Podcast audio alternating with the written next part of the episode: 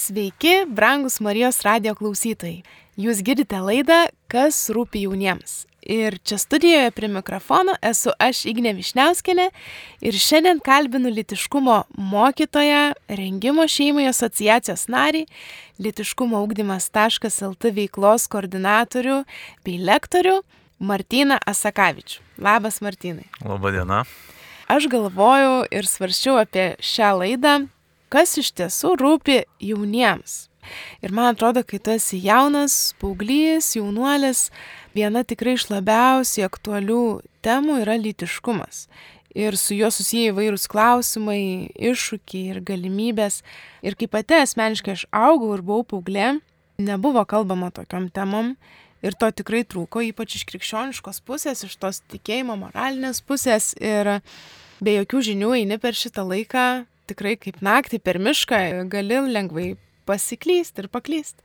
Dabar ypatingai iš pasaulio pusės labai garsiai skelbiame, kad yra tokia laisvė, niekas nebegėda išbandyti kuo daugiau, visko, kuo greičiau. Ir žinau, kad tavo gyvenimas yra stipriai susijęs su kalbėjimu jauniems žmonėms šią temą. Ar tu galėtum apibūdinti savo veiklą šitoje sferoje? Tai pagrindinis darbas yra keliauti po mokyklas ir vesti litiškumo ugdymo pamokas. Tai tą dalyką jau darom su kolegė Goda treti metai. Konkrečiai šitą, kad lankom mokyklas intensyviai. Kalbam įvairiausiam litiškumo temom priklausomai nuo jaunimo amžiaus. Tai prastai bendras mūsų spektras auditorijos tai yra nuo 5 iki 12 klasės. Ir atitinkamai pagal amžių mes ten pritaikom temas, pagal jų dienų aktualijas, svarbą, suprasdami, kas jiem yra iš tikrųjų įdomu šiai dienai, kas yra svarbu ir kas būtina žinoti. Tai toks tas ir darbas, keliaujam ištisai, daug įvairias spalvių dalykų, sakykime taip, daug pokyčių, daug naujų žmonių. Tik tai tos temos pačios praktiškai visur, nes jos visada visiems yra praktiškai aktualios pati irgi dažnai kalbu su jaunais žmonėm, turiu dažną prieigą prie paauglių ir žinau, kad jie turi labai skirtingas nuomonės apie patį litiškumą, apie vykstančius procesus jų kūne ir psichikoje, apie skirtingus elgesio modelius tam tikrose situacijose.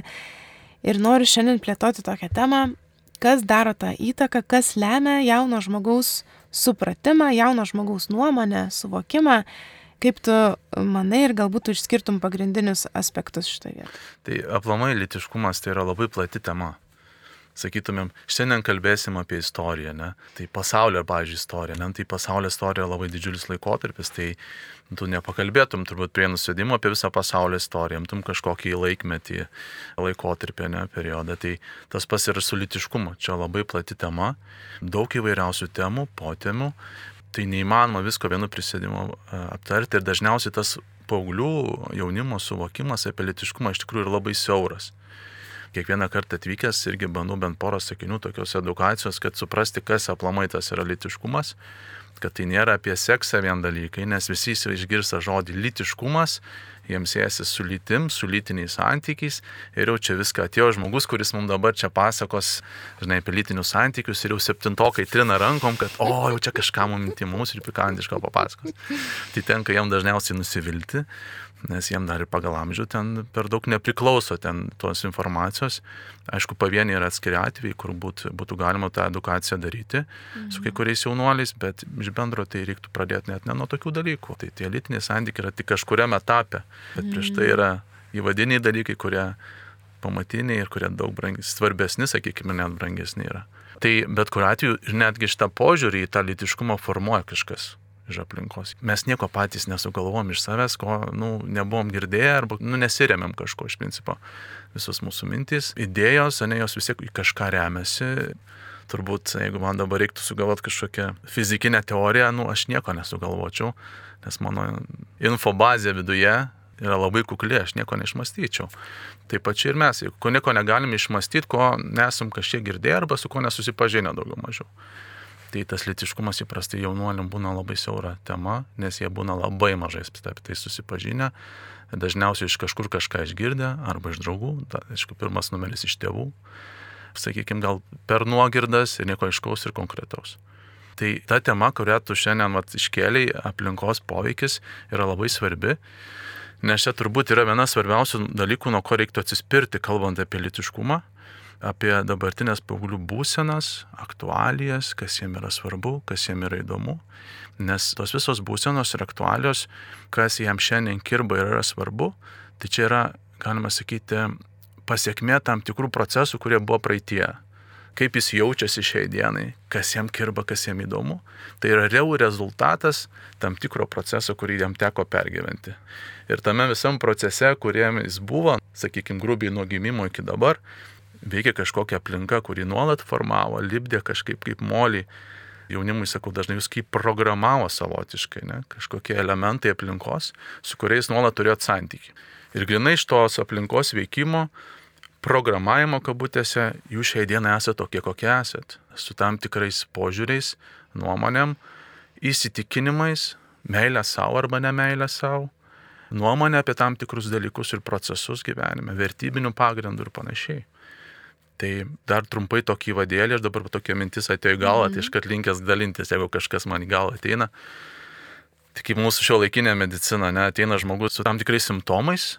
Nu ir aišku, ne visa gal medicina, bet labai dažnai tiesiog medikai, kai kurie linkia tuos simptomus malšinti, per daug nesigilindami į tas tikrasias priežastis, dėl ko tie simptomai kyla. Tai tas pats yra litiškume. Sustinki jaunuolius, kurie vargsta dėl tam tikrų dalykų, įprastai tai yra susijęs su psichologija, Ir vietoj to, kad tu ten slopintum simptomus, reiktų verčiau pasižiūrėti, kodėl jam taip yra, ne, iš kur tas ateina. Ir tas ateina dažniausiai iš jo praeities laikotarpio ir iš to didelio plataus aplinkos veikimo. Kas dabar yra ta aplinka? Tai ta aplinka iš principo pas mus visus yra tie patys esminiai elementai, kurie turbūt kiekvieno iš mūsų gyvenime veikia. Ir dabar be problemų turbūt visus ir įvardintum nesudėtingai, net man šeštokai, septintokai nesunkiai atpažįsta ir įvardina. Tai numeris vienas įprastai yra šeima arba tėvai, nes jie turi didžiausią galę mūsų gyvenime. Kas dar, kaip tau atrodo? Socialinės medijos. Visas. O, taip, nu, tai virtualus dabar gyvenimas labai daug užima ne, mm. laiko mūsų gyvenime.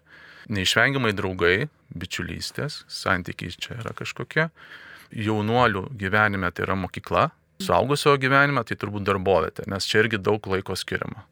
Ir tu neišvengiamai praleisdamas ten daug laiko, tai esi veikiamas tos aplinkos. Tu nori tą pripažinti ar nenori. Čia yra neišvengiama.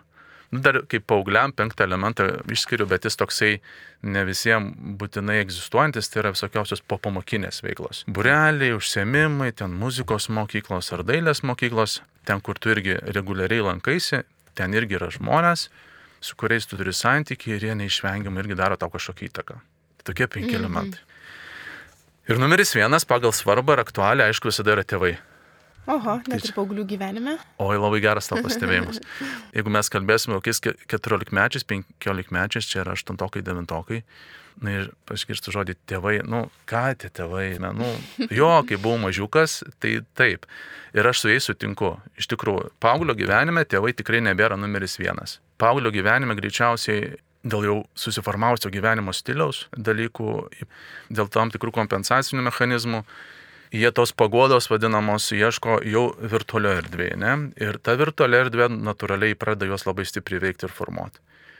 Tai taip, paauglio gyvenime virtualus gyvenimas arba ta virtuali veikla turbūt yra numeris vienas, kuri daro didžiausią jam įtaką. Mm. Bet vis tiek mm. tėvų negalima nurašyti. Nepaisant to, kad paauglio gyvenime tie tėvai jau nebėra tokia figūra, kuris yra numeris vienas, daro įtaką esminiams paauglio apsisprendimams. Didžiausias dalykas, kurį jau tėvai, sakykime, yra padarę, tai yra arba nuveikę, tai yra laikotarpis ankstyvoje vaikystėje. Nes paauglystė, kaip paauglys jaučiasi, kiek jis savo patinka, ką jis galvoja apie kitus, ne, kiek kokio yra savirtės lygis pas jį. Įprastai didžiąją dalim tai yra nulimta tėvų, šeimos narių, ypatingai tėvų.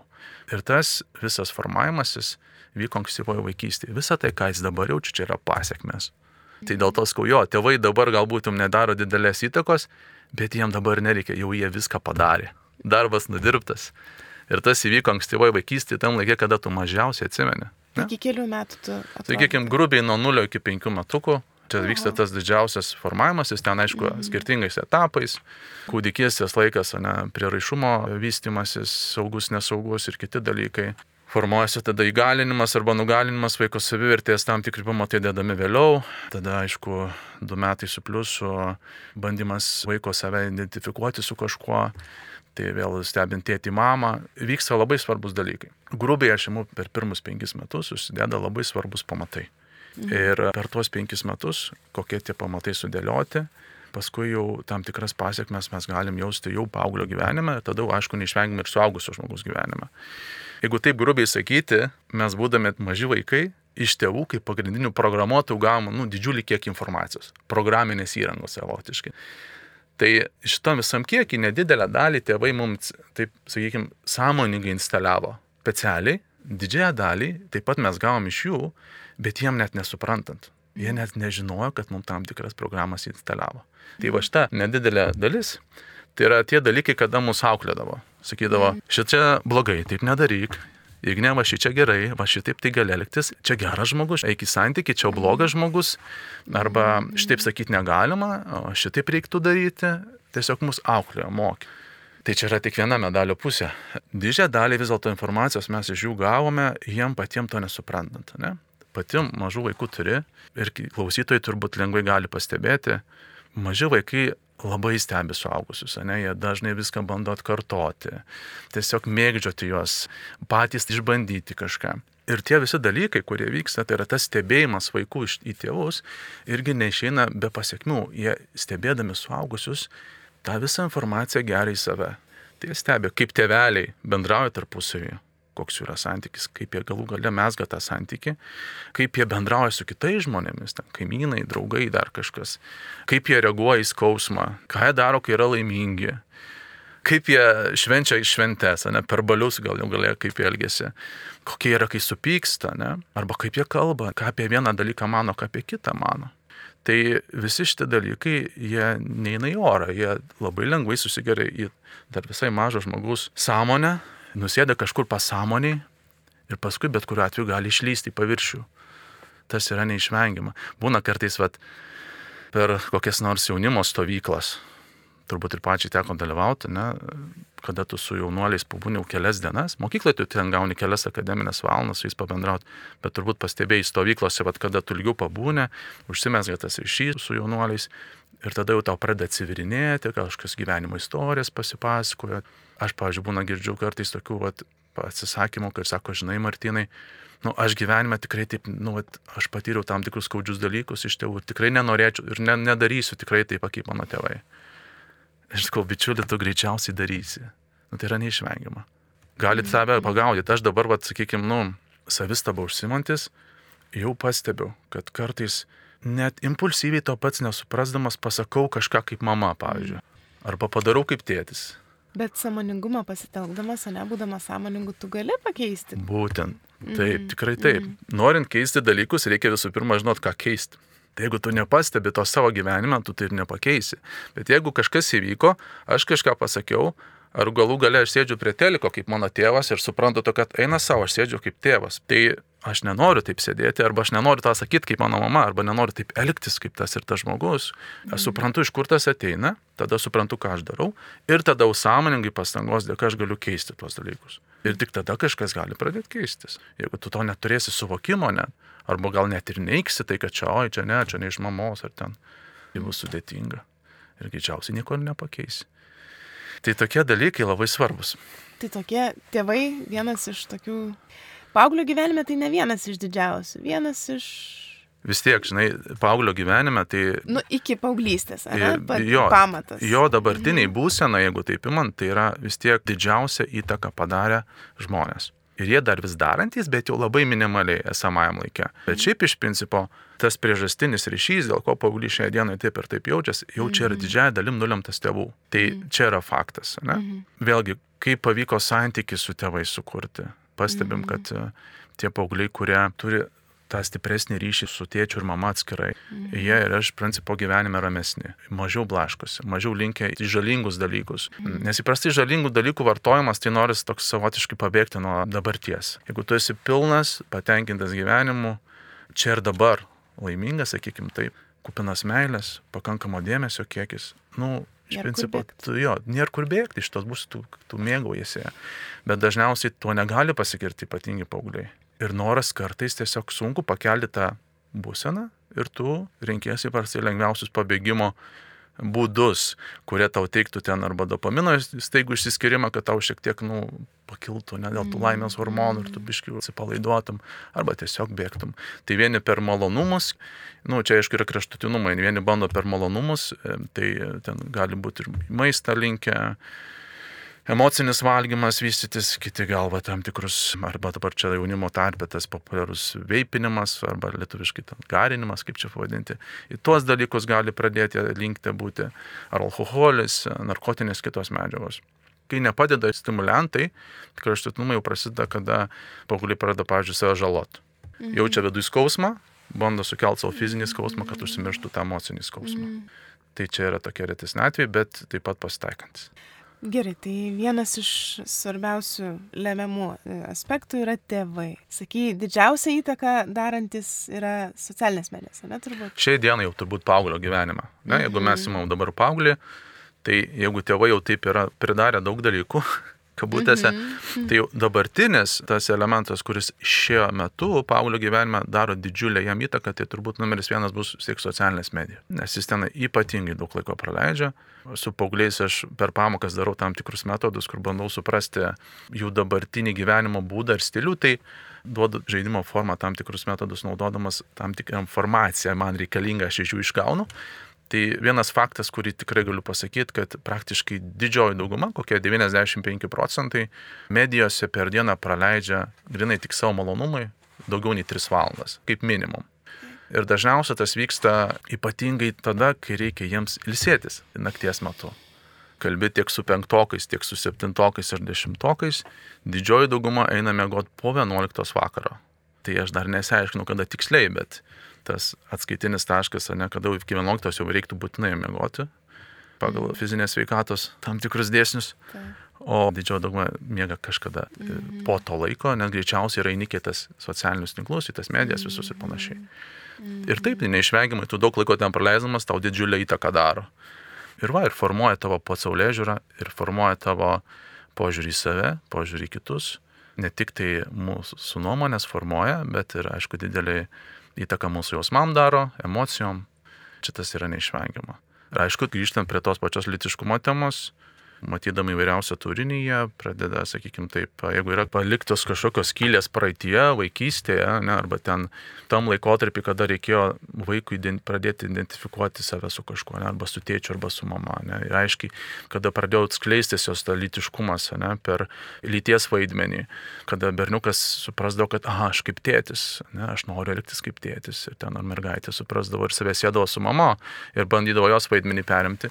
Jeigu tam, bet, sakykime, vaikai neauga, augę, bet, augę be tėčių arba, arba neturėjo mamų, jiem paskui vat, tas ček toksai iš toj vietoj vaikystė nėra padarytas, ne? galutinis identifikavimas su savim. Ir paskui paauglystėje gali iškilti ten tie dalykai. Ir vis tiek tas vidinis poreikis su kažkuo tapatintis, kažkam mhm. priklausyti yra pas mus visus viduje.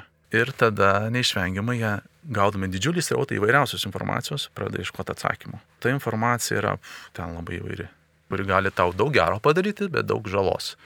Ne visi paaugliai dar tokie samoningi ir gali prisidaryti savo dar didesnių bėdų, negu kad turi. Taigi, brangus Marijos radio klausytojai, jūs girdite laidą, kas rūpi jauniems. Ir šiandien kalbinu litiškumo mokytoją, rengimo šeimų asociacijos narį ir litiškumo augdymas.lt veiklos koordinatorių, lektorių Martyną Sakavičių. Tai šiandien kalbam apie kas daro įtaką jauno žmogaus supratimui, jauno žmogaus nuomoniai ir aptarėme jau socialinės medijas bei tėvus, kurie pastato mūsų pagrindą mūsų visai tai paauglystė ir tolimesniam gyvenimui. Tai be socialinių medijų ir tėvų mes turim draugus, ar ne dar, mokyklą turim. Kaip mokykloje, kaip ten atmosfera, kaip tu ten dažnai lankaisi.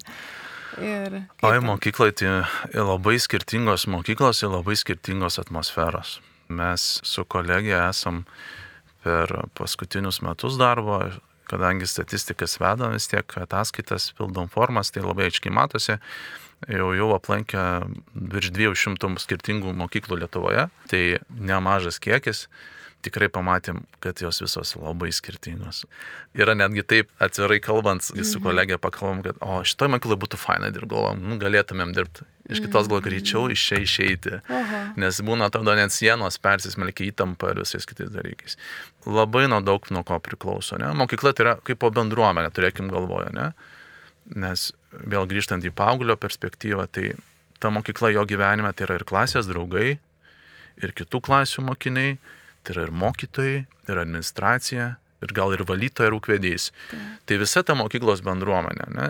Ir visi daro savotišką įtaką kiekvienam iš esančių tenai viduje. Ir atėjęs tu jauti, kokia čia atmosfera, kokia čia nuotaika toje mokykloje. Dažniausiai ta pati atmosfera ir nuotaika labai lengvai juntama ir tiek tarp mokytojų, tiek administracijos ir tiek vaikų. Viskas labai lengvai persismelkia ir persiduoda per skirtingus lygius. Tai gali lemti mokyklos dydį. Pavyzdžiui, didesnė mokykla vis tiek mažiau bendravimo, mažiau tokio santykio, daug tuščių erdvių. Ta prasme, ar tai gali, ar nepastebėjai, mažytės mokyklos tokios kaip šeimynos, kaip kaimukų būna, žinai. Ar, ar e, kaip manai, ar tai... Tai gali? faktas, kai Yra, yra, yra, ten tekę ir mažose labai mokyklėlėse būti rajonuose, tai kur ten e, po vieną klasę kiekvienos amžiaus grupės ir, ir tai ten po kelis mokinius kaimuose, tos mokyklos vos vos ten besilaikančios, kur kartais net ir mokytų daugiau nei mokinių. Dėja ir taip yra. Taip, tai tie vaikai neišvengiamai ten Kaip viena didelė šeima, aišku, ten su visokiausiais vidiniais niuansais, bet jie vienis kitus pažįsta, jie ten bendrauja. Koks tas bendravimas, kokybinė prasme, tai čia atskiras klausimas. Bet taip, jie labiau susigyvena ir labiau susilipdo. Didelėse mokyklose, ten didmešiuose gimnazijose, pavyzdžiui, tai taip, jie ten dviem metais vyresnis ir tu ten turbūt nei vardo žinai, nei iš vis ten kartais pastebi tą žmogų toje mokykloje, nes ten šimtais tų mokinių. Natūraliai, tai, bet nuo to nesakyčiau, kad čia priklauso, ar vaikui tam patiks ar nepatiks. Tą dalyką irgi aš turiu kiekvieną kartą atvažiavęs. Faktas iškart pastebi tam tikrus dalykus, bet dar pat ir nevengiu vaikų paklausti, kaip jie čia jaučiasi šitoje mokykloje. Mano tikslas yra sukurti saugią aplinką. Čia labai svarbus dalykai, bet turbūt mokytam gal sunkiau, kurie jau ten dirba daug metų, tai jau jie, ką yra susikūrę, tai paskui tavo santykiai su vaikais pakeis labai sudėtinga. Bet mes, kaip ateinam nauji žmonės, iš principo tu turi vos tik sutikęs auditoriją, ten pirmas iki 10 minučių, 50 minučių per brūkšnelį sukurti tą santykį su tais vaikais. Nes tu esi naujas žmogus, jie dar nežino, kaip čia elgtis prie tavęs, mm. kaip reaguoti, aha, kaip tu čia dabar ką sakysi, dėl to visi atsargesni natūraliai. Tai rodo, kad visada visi sėda net į galą atėję, nors turi savo įprastinės vietas klasėse, bet sėda visi kuo toliau, nes nežino, kas čia bus. Jo. Tai irgi išduoda kūno kalba ir pasirinkimai, kad šiek tiek yra įtampos nerimo tu vis tiek dirbdamas ir vesdamas ten šimtais tų pamokų, turi praktiką sukaupęs ir jau žinai, kaip elgtis įvairiose situacijose, tai labai lengvai dažniausiai tą santykį pradedi kurtis ir siunti signalą, kad čia yra saugi erdvė mums būti. Ir per atvirumą pačio, tikėdamasis ir jų atvirumo, gauni tą labai informaciją. Aišku, vis patvirtindamas, kad, primindamas, kad čia yra saugi vieta mums būti. Tai dėl to jie labai paprastai tiesiai šviesiai pasako, kaip jie jaučiasi ir ar jiems čia patinka ar nepatinka. Tai būna labai įdomu. Kartais atvažiuoju į vieną mokyklą ir turi ten kelias klases per vieną dieną ir vienoje klasėje, sakykime, taip didžioji dauguma patenkinti buvimu iš toje mokykloje. Ateina kita klasė, kitas rautas vaikų, o ten didžioji dalis nepatenkinti šitą mokyklą. Mhm. Ar jie įvardina priežastis? Gal klasės tarpusavio santykiai? Tai tų priežasčių gali būti pačių įvairiausių, bet Mhm. faktas yra, kad em, galimai yra kažkokios dažniausiai vidinės priežastys. Vidinės tai turiu omeny klasės lygyje, nes jeigu būtų mokyklos lygių bendrai ten administracija kažkas, ne, tai turbūt jau liestų visas klases ir visiems jau ten įtampa kažkokia. Bet jeigu vienai klasiai puikiai jaučiasi, o kita klasė įtampoje, vadinasi, kažkas yra gal pačioje klasėje, reiktų pasižiūrėti atsakymą. Aišku, čia nėra mano tiesioginis darbas, čia mokyklos psichologija turėtų to užsimti, bet man tiesiog aš paskui nebent galiu kažkokias rekomendacijas ar pastebėjimus pasakyti jiems, specialistam jau vietiniam mokyklos, kad jie galėtų atkreipdėmėsi. Tai mokykla svarbus dalykas. Nuo santykio su klasiokais, nuo santykio su kitų klasių mokiniais, nuo santykio su mokytojais, administracija priklausys taip, kaip tu jausiesi. Ir netgi mes su mokiniais darom tokį metodą, ten kiekvienas tą metodą skirtingai gal vertintų, sakykime, labai ypatinga man tas metodas, tai yra savęs įsivertinimo metodas, kada elementariai mokiniai savo parašo tam tikrą balą dešimtbalį sistemoje. Iš esmės šitas metodas parodo, kiek tu savo patinki, tai yra toks rodiklis savęs prieimimo, kartu tai yra, parodo ir tam tikrus savivertės dalykus. Ir tas balas, kaip aš paskui, aišku, jie būna labai įvairūs, dėja, bet turbūt daugiau nei pusė klasės pasirenka balą žemesnį šeši, tai labai labai nusivertinę save ir savim nepatenkinti, ypatingai paaugliai šiai dienai mokyklose. Bet paskui mes kaip aiškiname, mes kalbam, tai būtent kalbam apie tos keturis dalykus, kur mes jau šiandien įsiskyrėm. Tai yra tėvai, draugai, mokykla ir internetas. Ir bandau jiem papasakot, kad šitie keturi dalykai nulėmė jūsų tą dabar balą. Ir mokykla vienas iš jų yra. Ir neišvengiamai tą lengva paskui pastebėti, kai keičiasi mokykla, pavyzdžiui. Ateini į progymnaziją, ypatingai su aštuntokais kalbant, jie turi vieną balą, sakau, bičiuliai, kitais metais, jeigu sustiksim, jūsų balas bus pasikeitęs. Garantuoju, mhm. nes bus pasikeitus jūsų mokykla. Mokykla yra vienas iš top keturių elementų, kuris stipriai daro įtaką, jis pasikeis ir neišvengiamai kažkuria pusė keisis jūsų balas. Jisai gali pakilti arba gali pakristi apačią. Aš savo atveju atsimenu, baigiau dešimtmetę mokyklą pagrindinę, bet tada jau į dvylikmetę. Tai mano balas tikrai pakilo, nes aš atėjau, nors ir man dešimtmetį buvo visai gerai, bet atėjau į dvylikmetę buvo fantastiškai gerai, ta prasme, Aha. labai gera bendruomenė, santykis su, su aplinka ir aš pats jaučiau, kad aš darausi tvirtesnis ir aš laimingesnis ir labiau patenkintas visko. Ir tas daro įtaką mano bendram būviui ir tam bendram pajutimui, kaip aš egzistuoju pasaulyje. Nuo mokyklos tu atskiri draugus, nebūtinai tie draugai yra klasiokai, Taip. jie gali būti kaip po pamokų susitinkantis draugai, ar ne, arba arba sakyčiau, koks nors burelis, nors vėlgi čia yra kitas. Jo, tai draugai tiesiog gali būti iš kiemo, gal kaimynai, gal, gal tie patys klasiokai, gal iš kitos klasės mokiniai. Tai dėl to čia yra kaip ir atskiras elementas, kuris įprastai atsiranda dar vaikysės laikotarpyje, atsirasnėja tie draugai pirmieji.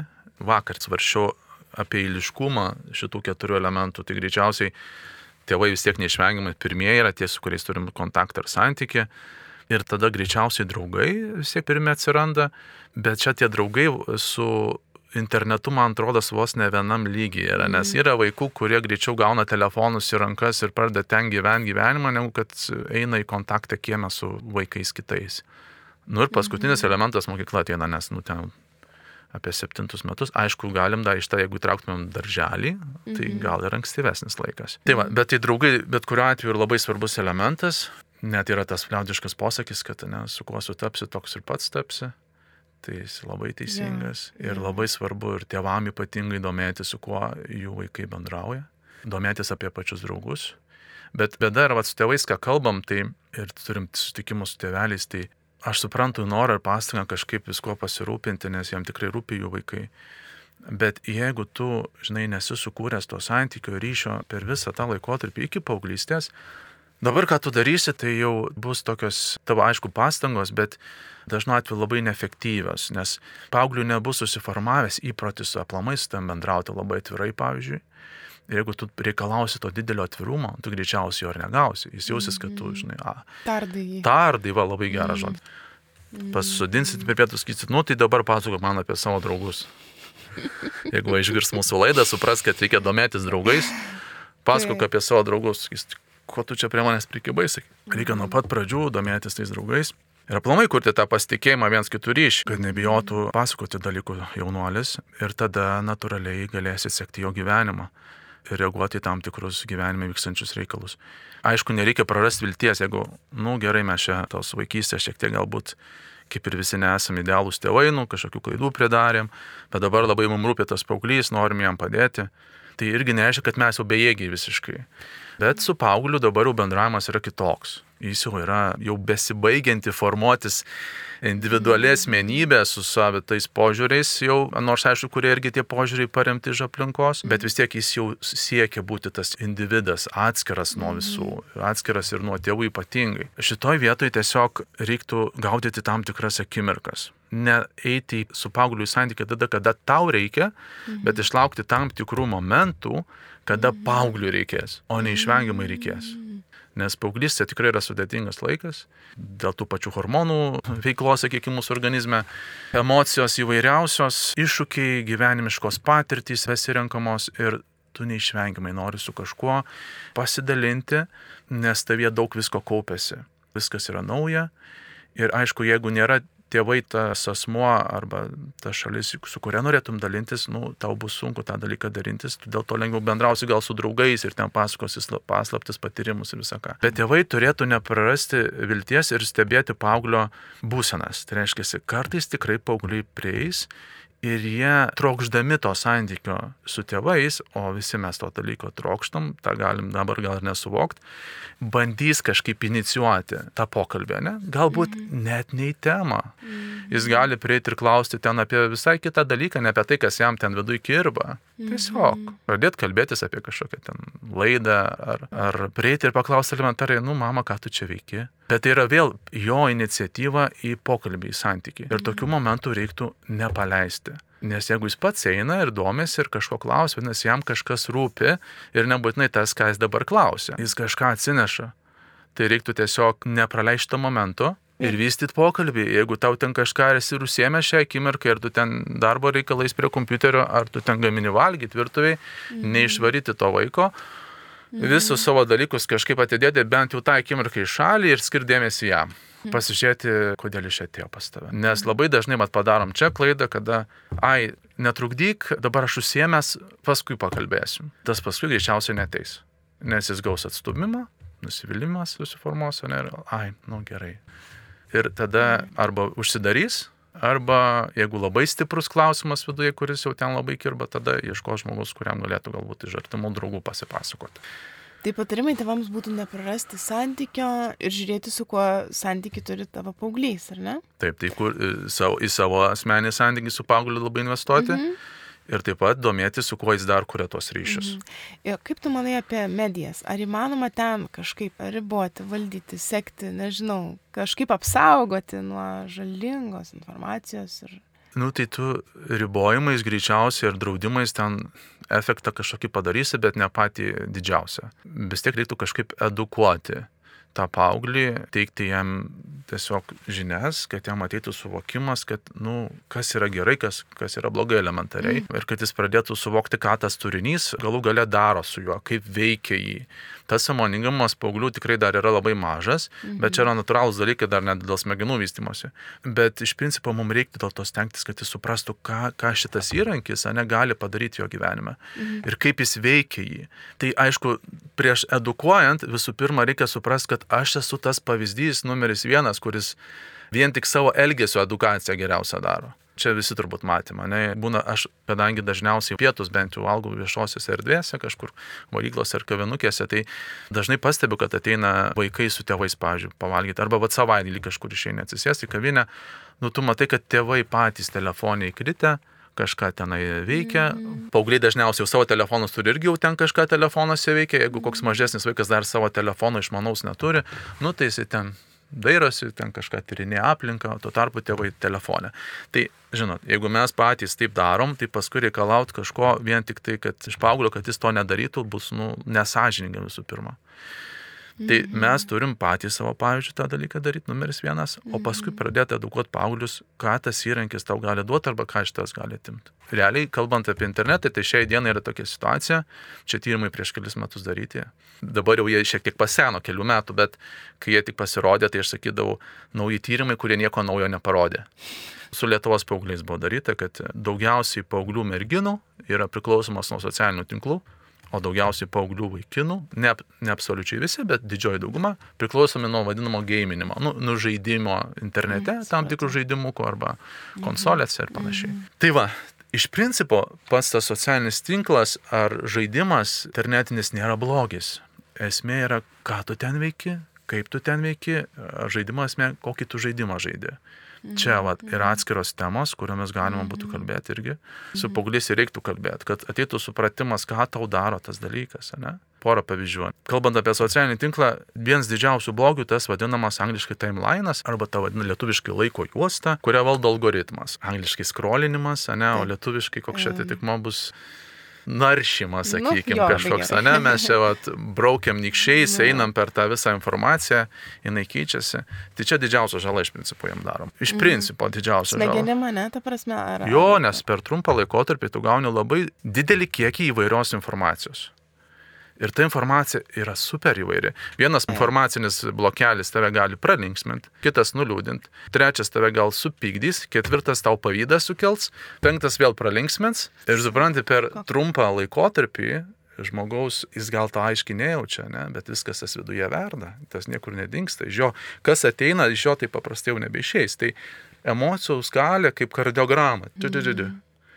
Kuo tu ilgiau va, būsi, ne? Tai tu iš principo labai stipriai veiksi savo vidinės būsenas, tas vidinės emocijas ir iš to ateina didžiulis paskui nuovargis, tu pavargsti nuo tos, nes ten tos emocijos kaiteliojasi, kaiteliojasi mm.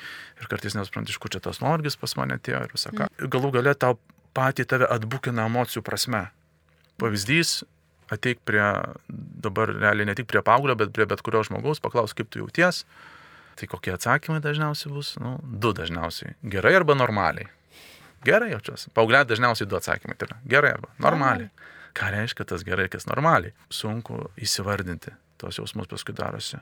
O ypatingai, jeigu merginos e, viešina savo gyvenimą arba viešina savo, nežinau, nuotraukas, norėdamas gauti daugiau dėmesio, aišku, čia irgi vėl pasiekmė tam tikrų dalykų iš praeities, kodėl jos taip daro, tai jos tampa dar vieno proceso super žalingo įkaitėmis, kada tiesiogiai jų laimės būsena priklauso nuo aplinkos ten patiktukų kiekio, kurie laikina tavo nuotrauką arba nelaikina. Tokios merginos ypatingai kurios daug viešina save, arba ir vaikinai, nebūnė merginos, savo to gyvenimo, arba savo kaip po asmens ten nuotraukas, jų emocijų skalė įprastai bendra būsena einanti yra po truputį apačią. Ypatingai, tai, sakykime, tie nuomonės formuotojai, kurie profai nuomonės formuotojai šiais laikais jau patys nebekelia turinio.